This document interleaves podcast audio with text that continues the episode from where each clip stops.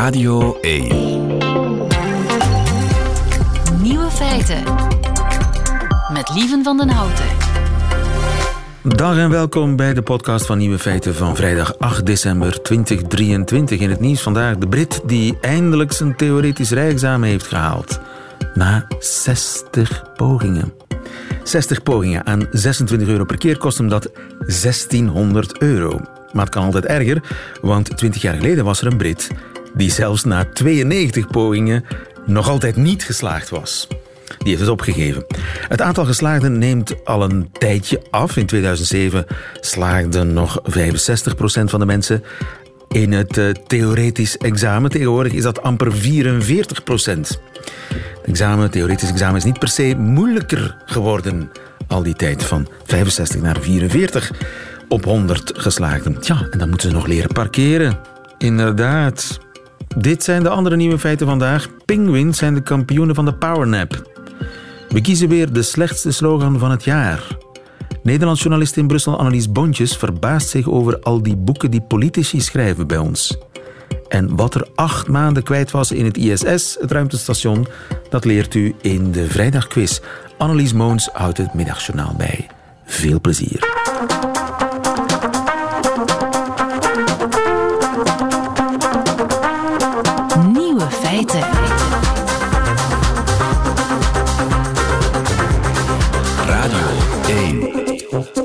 1. Ombreekwoord van het jaar, eh, man van het jaar, eh, vrouw van het jaar, sportman, sportvrouw van het jaar, ondernemer van het jaar, gezinswagen van het jaar. Het is december en dus een soort van verkiezingstijd. Maar de leukste van het jaarverkiezing blijft toch wel die van de slechtste slogan. Goedemiddag, Tefke. Ja, goedemiddag. Tefke van Dijk van de slechtste sloganverkiezing. Eh, ons jaarlijks telefoongesprek, hè, Tefke? Ja, We doen het al een paar keer, hè? Terugkerende traditie. Ja, het is een traditie, prachtig en een traditie om in ere te houden. Eh, om meteen duidelijk te maken waar het over gaat, weet jij nog welke slogan vorig jaar gewonnen heeft? Eh, ja, dat weet ik nog. Eh, dat was van een bekkenfysiotherapeut. Kinesist, kinesietherapeut. Enfin, we weten waar Ja, het over nou. gaat. Oké, die had een slogan. Ja, de, de praktijk heet het kruispunt. En die hadden als slogan: Maak van uw kruis geen punt, kom naar het kruispunt. Oké. het ging over bekkenbodemspieroefeningen. Juist. Ja. Prachtig.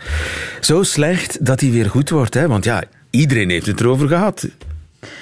Eh, ja, ja, in die zin trekken ze goed de aandacht en kun je je afvragen of die slecht is. Eh, nog steeds wel is het wel zo, als je echt een negatief gevoel bij krijgt, dan, dan is hij toch wel slecht natuurlijk. Ja, het is, het is een dunne lijn, hè? Ja, het is echt een kwestie van smaak. Sommige mensen vinden hem eh, briljant en andere mensen die vinden hem tenenkrommend. Dus het is echt lastig om te zeggen wat een slogan nu echt slecht maakt. Eh, Ja, maar precies dus daarom hè? is hij winnaar geworden natuurlijk. Hè? Omdat hij zo, ja, hij is, hij is verbijsterend. ja, ja, nou ja, we zien wel vaak dat toch wat pikante of seksueel getinte slogans eh, hoge ogen gooien. Zitten die er En- dit jaar ook tussen? Die zitten er dit jaar ook wel weer tussen, inderdaad. En het is een beetje, ja, we, vra- we vragen ons af inderdaad waarom die zo hoog scoren. Of dat nou is omdat mensen er toch vaak om moeten lachen en hem dan dus eigenlijk wel leuk vinden en daarom erop stemmen. Eh, of dat het zo is dat, dat mensen hem echt slecht vinden en erop stemmen. Dus ik denk dat ze uit verschillende hoeken Ja.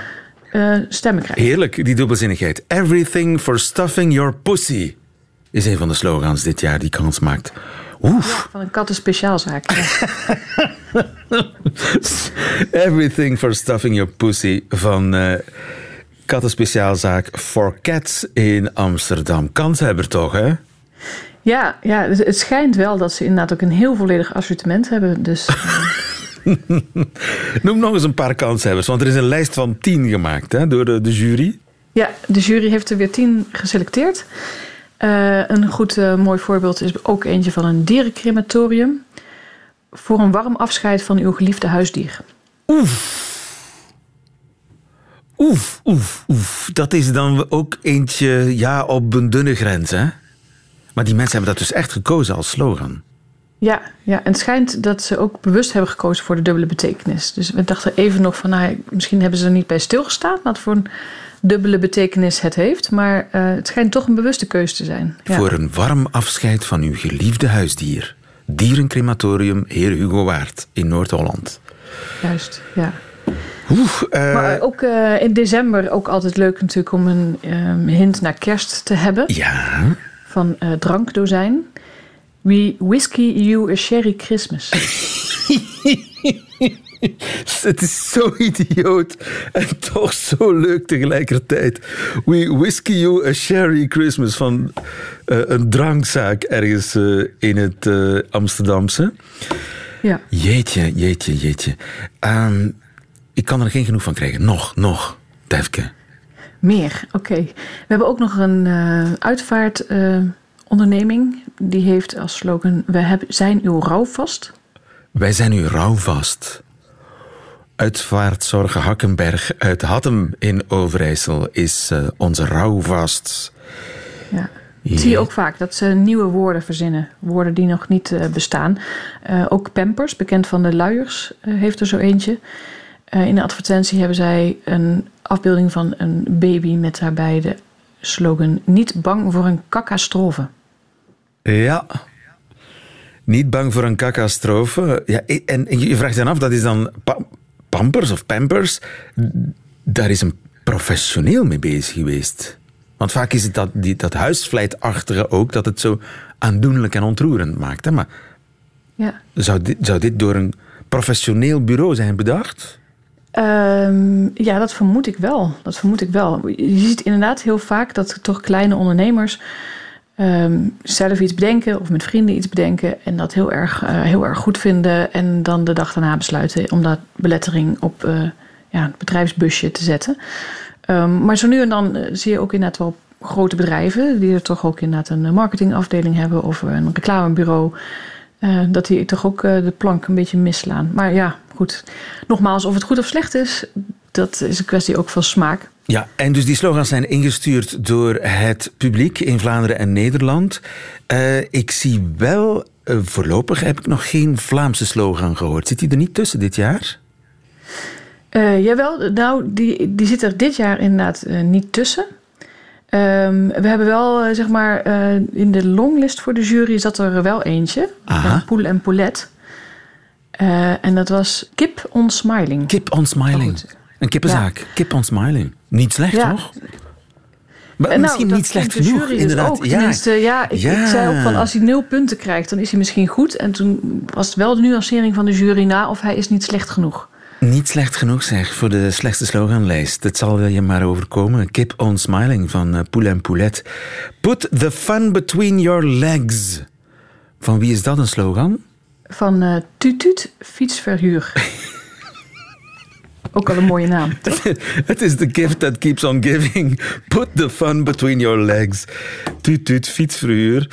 Uh, have a nice day staat er ook in. Maar naai wordt dan op zijn Nederlands geschreven. Naai. N-A-A-I. Have a nice day. Ja, van een naaimachine-specialist. En dit is toch inderdaad een kleine ondernemer.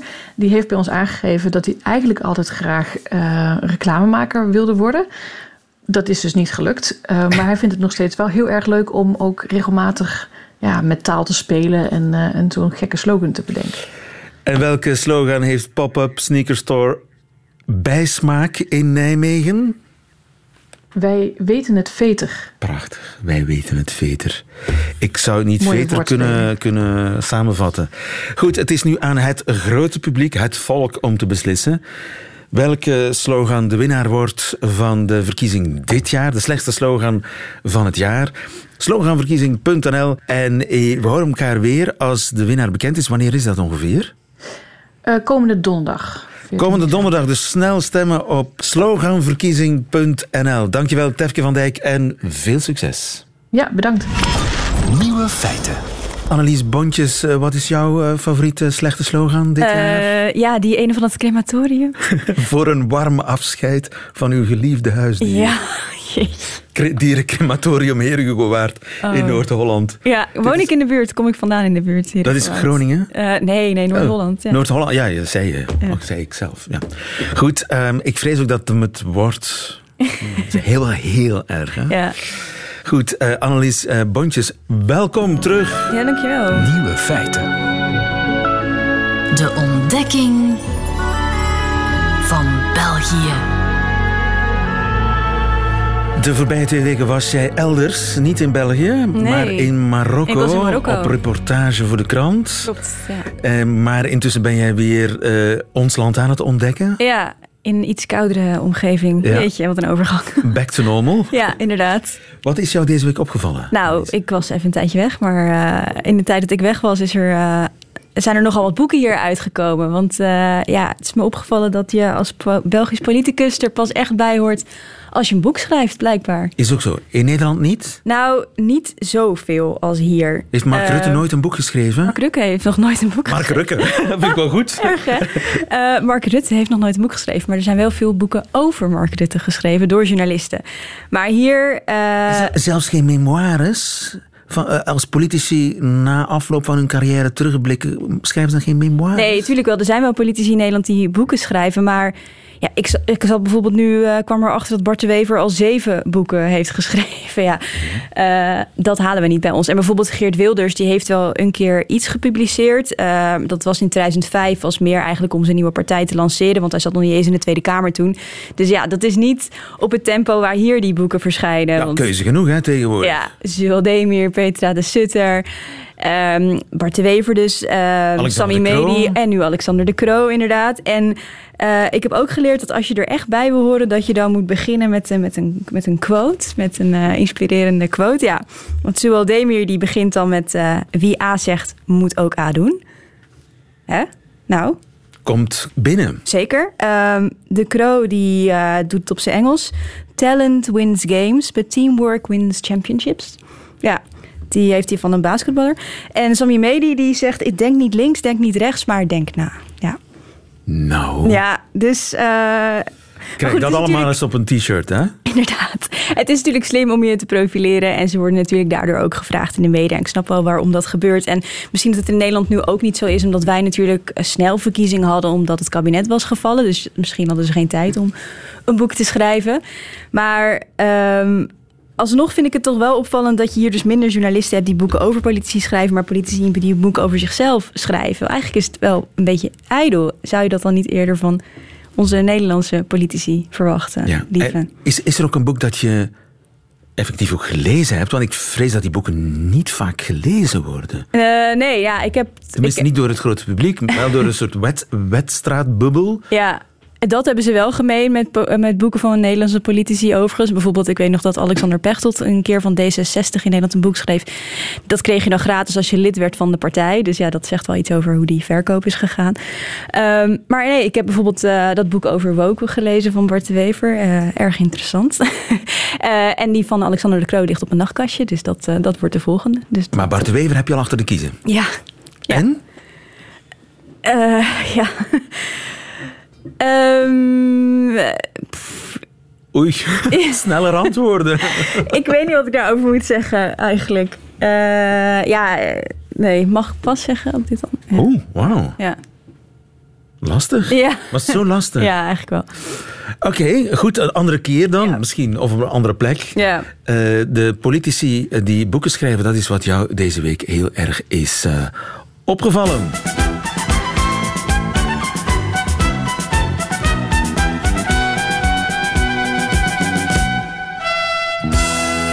Examen Vlaams.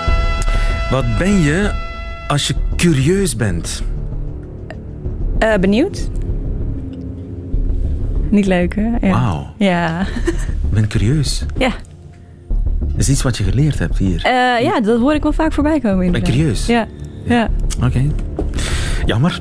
Ja, jammer. Ja, jammer, ja, ja. ik weet het. Ik zie die teleurstelling. ja, maar je, dat vind ik ook. Wacht maar. Ja, oké. De jaren stilletjes. De jaren stilletjes, wanneer waren die? De jaren stilletjes. Eh, is het een bepaalde eeuw dan of zo? Oké. Nee, nee? Eh, de, de jaren? stilletjes. Eh, ja, de tijd eh, dat er geen crisis was of zo? Of eh, heeft het daar iets mee te maken? Nee, nee. Gewoon heel lang geleden. Oh, ja? Jaren stilletjes. Oké. Oeh, dat is jaren stilletjes. Dat is echt heel lang geleden. Dat is, ja, dat is jaren stilletjes? Dus, dat zijn de jaren stilletjes. Oh, die vind ik wel heel leuk. Stilletjes, stil, stil zit daarin. Oké. Toen het nog stil was, zoiets. Weet ik veel. wat uh, de oorsprong is. Um, caoutchouc. Uh, ja, nu zit ze daar. Caoutchouc. Rubber. Fuck. Je gaat niet weg voor je er weer in niet nee. weet. Nee, we stoppen nu. Zet die, zet die tune maar in. Je bent een vijs kwijt. Nee. Uh... Je bent een vijs kwijt. De weg? Je bent de weg, je bent de weg kwijt? Nee. uh, je bent uh, een vijs. Die is een vijs kwijt. En het verstand kwijt. Die is een beetje... Echt? Ik geef het op. Ja. Ik geef het Oh, dat was een gok. Dat was echt een dat gok. Was... Tot volgende week, Annelies. Dankjewel.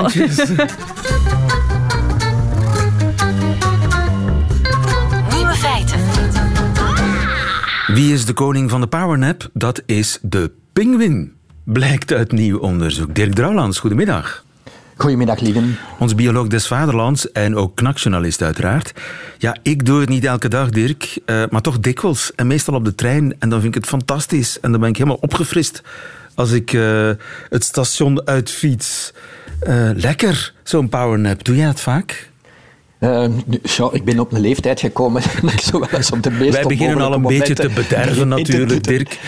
Ja, voilà. Ja. Maar uh, hetgeen dat die pinguïns doen is wel uitzonderlijk. Uh, Hoe vaak doen ze het? Wel, ze, ze, ze doen het 11.000 keer per 24 uur voor een gemiddelde van 4 seconden. Een maximum 34 seconden.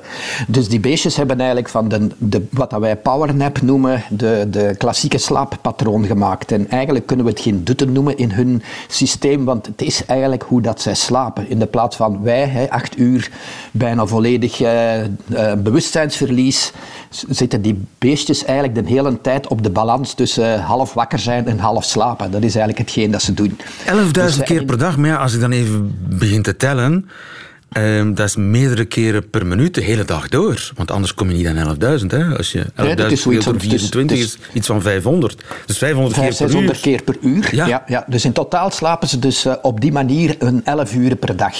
Dus uh, dat ze echt... Uh, echt Alles die, opgeteld. Alle powernaps geteld, ja. opgeteld komen ze aan 11 uur. Ja, en dan nog afzonderlijk berekend voor de twee hersenhelften. Want af en toe doen ze hetgeen dat de meeste vogels uh, ook kunnen, namelijk hersenhelft per hersenhelft laten rusten. Eerst de linker hersenhelft, dan de rechter hersenhelft. Zodat ze dus altijd zo'n klein beetje, of toch dikwijls, in zo toch nog een halve waakfunctie zien. Je moet er maar eens op letten als je nog eens eenden ziet slapen, bijvoorbeeld uh, op een parkvijver met hun snavel op hun pluimen. Uh, op hun rug. Dus echt in rustmodus. Dan zie je die dikwijls met één oog open. En dan zie je ze na verloop van tijd dat ene oog dichtgaan en dan het andere oog dichtgaan. En dat is om dus tegelijkertijd toch nog wat greep te kunnen hebben op wat er in een omgeving gebeurt. Zodat als er dus ergens gevaar dreigt, dat ze toch nog rap weg kunnen, wow. kunnen zijn. Terwijl wij dat ik, helemaal ik ga niet daar hebben. dus echt eens op letten. Hè? Op dat ene oog dat dicht is en dan het andere oog dat dicht gaat. Ja, ik heb dat al dikwijls gezien. Ah, dat is echt bizar. Wow. Ja, ja, ja. Nu, dat, dat zijn eenden. Uh, dit zijn uh, penguins en die doen powernaps, uh, honderden powernaps per minuut.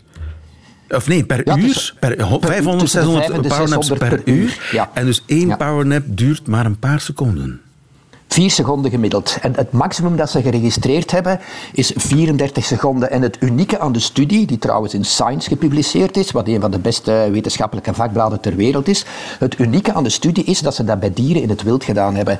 Dus ze hebben dus uh, ergens op de Zuidpool een, een kolonie van stormbandpinguïns, daar hebben ze 14 dieren uh, gevangen en uitgerust met zo'n soort klein computertje dat de MS-sensoren op hun kop geplant, dat de hersengolven meet. En ze kunnen dus precies meten wanneer dat die dieren dus echt slapen en wanneer dat die dus wakker zijn. En dat soort onderzoek is nog heel uh, weinig gebeurd in het wild. Slaaponderzoek bij dieren in het wild, dat is nog onontgonnen terrein bijna. Dat is zo goed als niet gebeurd. En, Wauw. het, uh, en het, uh, hetgeen dat er dus in het slaaponderzoek courant gebeurt, is dat we naar mensen kijken of naar muizen en ratten die ze dan in laboratoriumomstandigheden uitgebreid bestuderen met allerhande elektrodes en, en, en meetoestanden. En bij, bij vogels gebeurt dat af en toe ook. Er is trouwens ene keizerpinguïn ooit, dat is de grootste pinguïn. Dat zijn dus die giganten die echt in die reusachtige kolonies in het midden op de Zuidpool staan. Daar hebben ze dat in gevangenschap ook eens gedaan, maar die, die doen die powernaps maar een derde van de tijd. En, en, en die hun slaap is dikwijls veel langer. Dus uh, Ja, ja. Om, in een dag gemeten het was vertekent het 105 beeld eigenlijk als je in Ja, dat was gevangenschap zit. 125 keer meer dan vijf minuten. Dus dat vertekende toch het beeld. In gevangenschap is er natuurlijk, er is geen druk van concurrenten, er is geen druk van, van roofdieren, van predatoren, wat dat er dus in de natuur wel bestaat. En is het ziet- daarom dat hij altijd eh, wakker is eigenlijk en altijd een beetje slaapt? Ongetwijfeld is dat een reactie op omgevingsomstandigheden. Alleen is de vraag natuurlijk welke omgevingsomstandigheden. Omdat ze dus bijvoorbeeld ook vastgesteld hebben dat de dieren aan de buitenkant van de kolonie dat die toch iets langer slapen, dus iets dieper slapen dan de dieren in het midden van een kolonie. En dan is de vraag van waaraan is dat belangrijke verschil te wijden aan de buitenkant van de kolonie. Dat staat niet in de studie, maar ik vind dat raar dat ze daar niet aan gedacht hebben.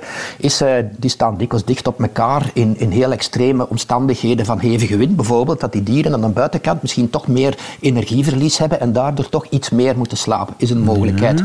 Een mogelijkheid is ook, er zijn weinig eh, roofdieren op de Zuidpool. Ze hebben dan bijvoorbeeld geen ijsberen of zo, of, of, of zoogdieren van dat kaliber. Maar ze hebben wel eh, jagers, dat zijn grote meeuwachtige vogels, die echt een pest kunnen zijn voor die pinguïns en dus eieren en jongen kunnen roven. En daar moeten ze alert voor zijn. Maar je gaat er dan vanuit dat dat ook vooral aan de buitenkant van de kolonie is, wat dan evenmin strookt met het Ja. gegeven hè, dat, er dus, eh, dat ze daar dus eigenlijk meer slapen dan in het midden van de kolonie. Dus in het midden van de kolonie slapen is echt eh, een, bijna onmogelijk. Hoe zou dat komen? Ja, en dan is de, de kwestie natuurlijk, in die midden van die kolonie is er enorm veel activiteit, want veel van die pinguïns gaan constant over en weer naar de zee om te gaan jagen en die moeten dan hun partner op het nest gaan komen aflossen en moeten dan door die massa van die anderen tot op hun eh, nestplaats gebeuren. Dat zijn ook heel agressieve dieren. Die, die, die Stonenpan-pinguïn wordt bijvoorbeeld courant omschreven als de slechtst gehumeurde van alle pinguïns. Grumpy penguin. Ja, am- ambetant, rikken, agressief tegen elkaar, mekaars eh, steentjes van mekaars nest pikken, eh, pikken naar elkaar. En, en, dus misschien heeft dat dus te maken met het feit dat ze zo ambetant eh, zijn, dat ze zo ook lastig slapen. Maar waarschijnlijk storen ze vooral elkaar.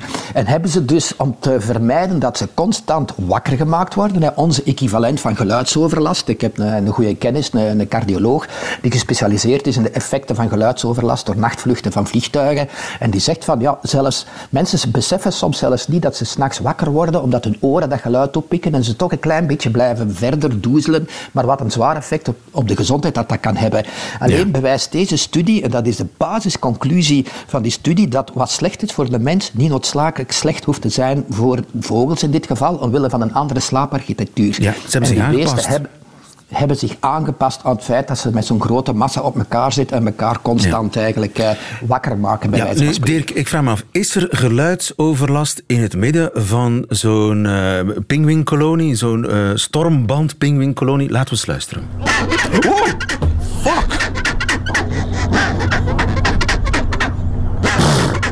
Jeetje.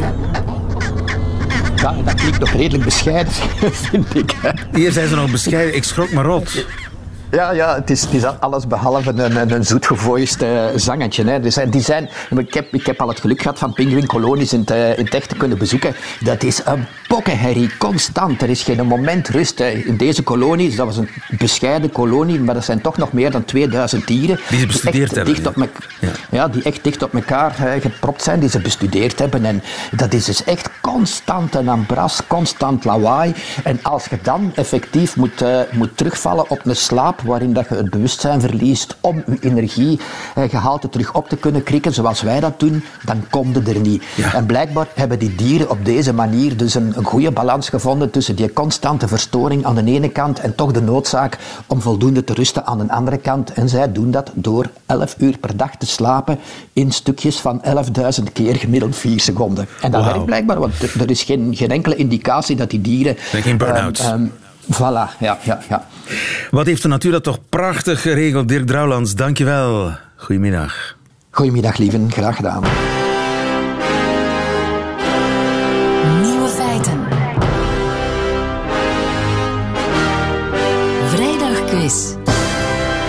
Gilles Wijkmans, goedemiddag. Welkom in Nieuwe Feiten. Hallo. Jij bent hier natuurlijk om eh, eh, een bloedbad aan te richten. Altijd. Met Altijd plezier. eh, met plezier richt hij een bloedbad aan elke vrijdag. Met de Nieuwe Feiten Vrijdag quiz. We spelen voor een boekenbon van 25 euro. En een van de kandidaten is Albert. Goedemiddag, Albert. Goedemiddag. Albert uit Zedelgem, wat was je aan het doen, Albert? We zijn net klaar met eten. Ah, wat uh, schafte de pot? Eerst een lekkere seldersoep en dan een pasta. Seldersoep en pasta, dat kan niet op. In Zedelgem. Albert, je speelt tegen Daphne. Daphne Dames. Goedemiddag, Daphne. Goedemiddag. Waar was jij mee bezig? Uh, ik heb net gedaan met werken. Oh, en uh, wat is je job? Uh, ik geef les. Waarin? We willen alles weten, Daphne. ik geef godsdienst. Godsdienst. Prachtig, Daphne Daams. we gaan spelen de... ik ga jullie kennis testen van een paar nieuwe feiten. Albert begint... Want hij heeft zich de eerste gemeld en zolang Albert juist antwoordt, blijft hij aan de beurt. Bij een fout antwoord gaat de beurt naar Leuven. En wie het laatste nieuwe feit goed kent, die wint deze quiz. Albert, acht maanden lang was aan boord van het ruimtestation ISS een belangrijk onderzoeksobject Zoek.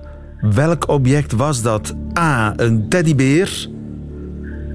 B een tomaat. C.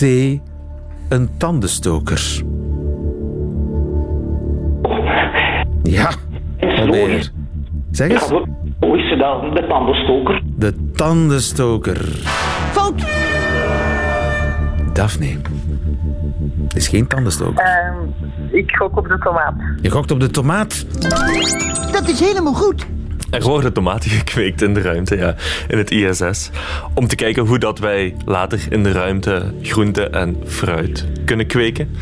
En acht maanden geleden was er een oogst, een productieve oogst, want er werden een paar tomaatjes uh, gekweekt en dus konden geoogst worden. Alleen zijn ze dus een van die tomaten kwijtgeraakt. En ze moesten die hebben, want ja, die moeten natuurlijk verder onderzocht worden. En ze dachten, een van die onderzoekers heeft die opgegeten. Maar nu, acht maanden later, is de tomaat gevonden in het ISS en is de astronaut in kwestie vrijgesproken. Maar we weten niet waar de tomaat gevonden is. Nee, blijkbaar is het ISS even groot als een huis met zes slaapkamers. Dus ja, dat kan op veel plekken liggen. Kan ook overal naartoe zweven natuurlijk. Hè. Ja, dat is zo. Daphne, vraag 2. De Paraguayaanse minister van Landbouw moest vorige week opstappen. Waarom? A. Hij sloot een akkoord met een land dat niet bestaat. B. Hij wilde apen trainen om het personeelstekort in de landbouw op te lossen. C. Hij was ervan overtuigd dat spek aan bomen groeit. Daphne. Uh, ik denk uh, van die apen. Van die apen? Ja. Hij heeft uh, niet gedaan hoor, apen trainen om personeelstekort in de landbouw op te lossen. Het was uh, een van die andere twee en het is Albert die mag raden, A of C. Ik raad één. A. Dat is helemaal goed. De man sloot een akkoord met een land dat niet bestaat als minister van Landbouw. Meer specifiek met de Verenigde Staten van Kailasa. Uh, op 16 oktober kwam de minister, de Paraguay, Paraguayaanse, moeilijk woord, minister samen met de leiders van Kailasa. En daar werd afgesproken dat de diplomatieke landen, uh, banden tussen de twee landen aangehaald moesten worden. Hij zei toen ook in een, in een tv-interview dat hij niet wist waar de Verenigde Staten van Kailasa ligt. En dat kan kloppen, want dat land bestaat niet. Dus dat waren grappenmakers die zich uitgaven Wel, als... de leider, is een, uh, de leider van de Verenigde Staten van Kailasa is een hindoeïstische secteleider die zichzelf heeft proberen af te scheuren van India. En hij zegt dat hij een eiland bezit voor de kust van Ecuador, wat niet waar is, want Ecuador zegt zelf dat eiland is helemaal niet van hem. Dus een volledige schoemelaar eigenlijk, die zich toch tot de hoogste regionen van de Paraguayaanse politieke top kan lullen. Ja, en de minister had zijn huiswerk niet gemaakt. Nee. Daar komt het eigenlijk op neer. Albert, vraag 3 is voor jou. Welk gerecht bestellen de Italianen het meest via Deliveroo? A. Pizza margherita. B. McDonald's burgers. C. Burrito. De pizza margarita. De pizza margarita, je zou het denken. Ah, maar het is niet waar. Daphne. B of C? B. Je gaat voor B, de McDonald's burger. Dat is helemaal goed. Toch wel pijnlijk, hè? Om, te om dat te horen van de Italianen. Ja. Ja, dat is... Deliveroo heeft zo'n Spotify-Wrapped-achtige lijst Ga je dan. Italiaan?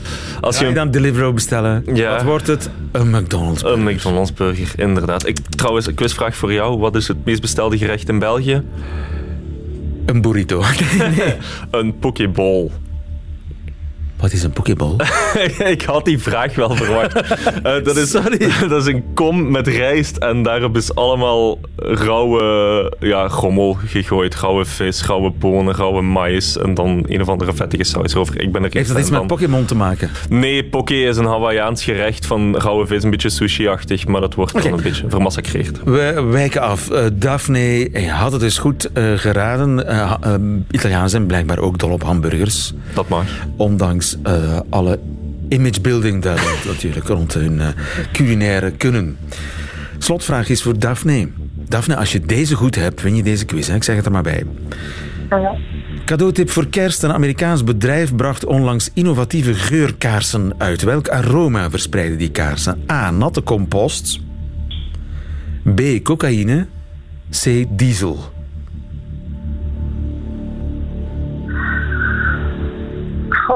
Ja, Daphne. Zeg het. Kijk, uh, moet ik gokken. Ik ga voor uh, C. Je gaat voor C. En daarmee is het gebeurd. Daphne Daams wint deze quiz, want Gilles Wijkmans... Die kaarsen rieken naar diesel wanneer je ze aansteekt. Jeetje. Ja, en trouwens, voor een, geur, voor een beetje nostalgie kan je ook een kaars met twee taktgeur bestaan. voor de, voor de Oost-Duitsers. Sorry Albert, het heeft niet mogen zijn, maar de, je hebt al pasta met kervelsoep uh, gehad. Dus, uh, Zeldersoep. Zeldersoep? Zeldersoep. Zeldersoep was het, inderdaad. Uh, helaas voor jou wint Daphne Dames deze quiz. Weet je al welk boek je gaat kopen voor je boekenbon van 25 euro, Daphne? Nee, uh, ik was er al over aan het nadenken. Uh, in de hoop ik de bon zou winnen. Maar nee, ik weet het nog niet. Een of andere roman, denk ik. Maar ja, ik ben zelf nu nog bezig in een boek. Dus, ja, welk boek ben je aan het lezen, Daphne?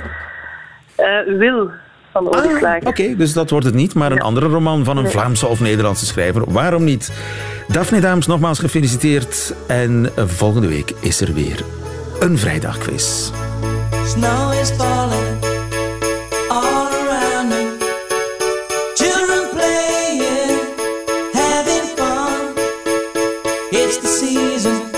love and understanding. Merry Christmas, everyone.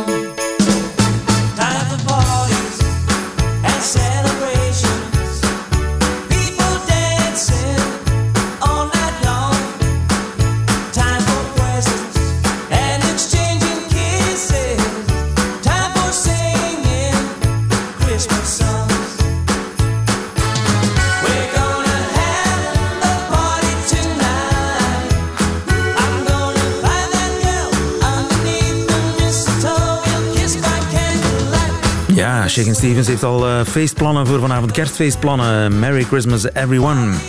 Het middagjournaal deze week is in handen van Annelies Moons. Nieuwe feiten. Middagjournaal.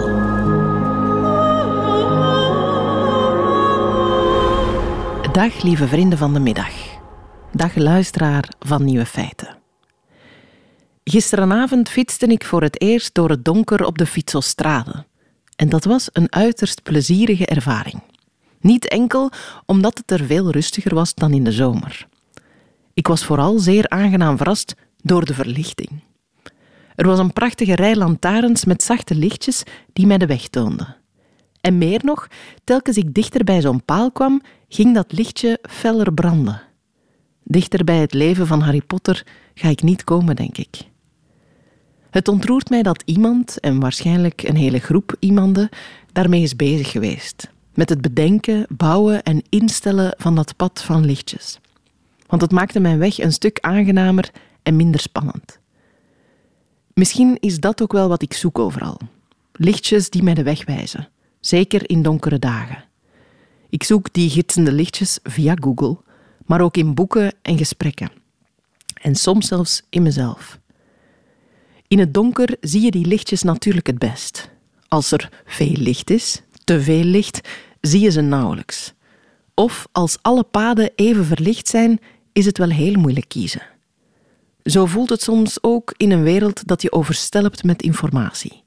We leven midden in de lichtvervuiling en vinden ons pad niet meer. Dat is bijvoorbeeld ook waarom ik jullie vroeg naar jullie kersttradities. Jullie lichtjes branden toch net iets feller dan die lijst van 100 nieuwe tradities voor deze kerst die ik op Google vond. Ik denk regelmatig aan hoeveel mensen in coronatijden begin november de dozen met kerstversiering al boven haalden en de lichtjes al aanstaken. Omdat we meer thuis waren? Omdat de weg toch nergens naartoe ging. Omdat de tijden extra donker waren. Dat laatste kan je over vandaag ook zeggen. Telkens ik tijdens het scrollen door Instagram in de ogen van een gewond kindje uit Gaza kijk, voel ik mijn hart verzwaren. Voel ik vooral hoe ik rond begin te kijken in de hoop het lichtje te vinden dat ons uit die duisternis gidst. Zonder succes. Vanochtend tijdens mijn wandeling met de hond besef ik plots dat ik ook soms een gids ben. Vaak zelfs. Ik besef het omdat ik een balletje voor hem uitgooi in de richting van waar we heen gaan. Omdat ik hem roep wanneer ik een zijpad insla. Soms gooi ik het balletje, maar gaat de hond het niet halen en moet ik het zelf doen.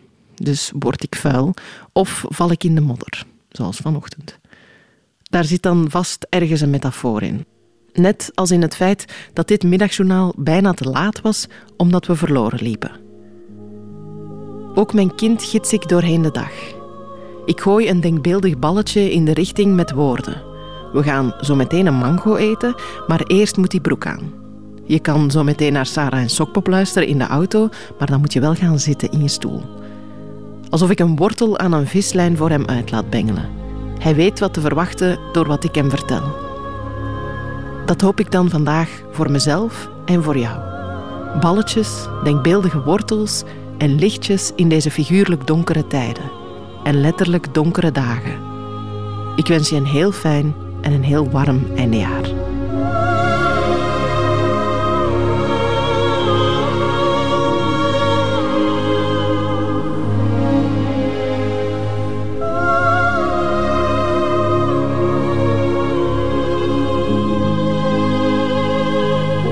Annelies Moons heeft dus kennelijk een suffe hond. Einde van deze podcast. Hoort u liever de volledige nieuwe feiten met de muziek erbij? Dat kan natuurlijk live elke werkdag tussen 12 en 1 op Radio 1 of on demand via VRT Max. Tot een volgende keer.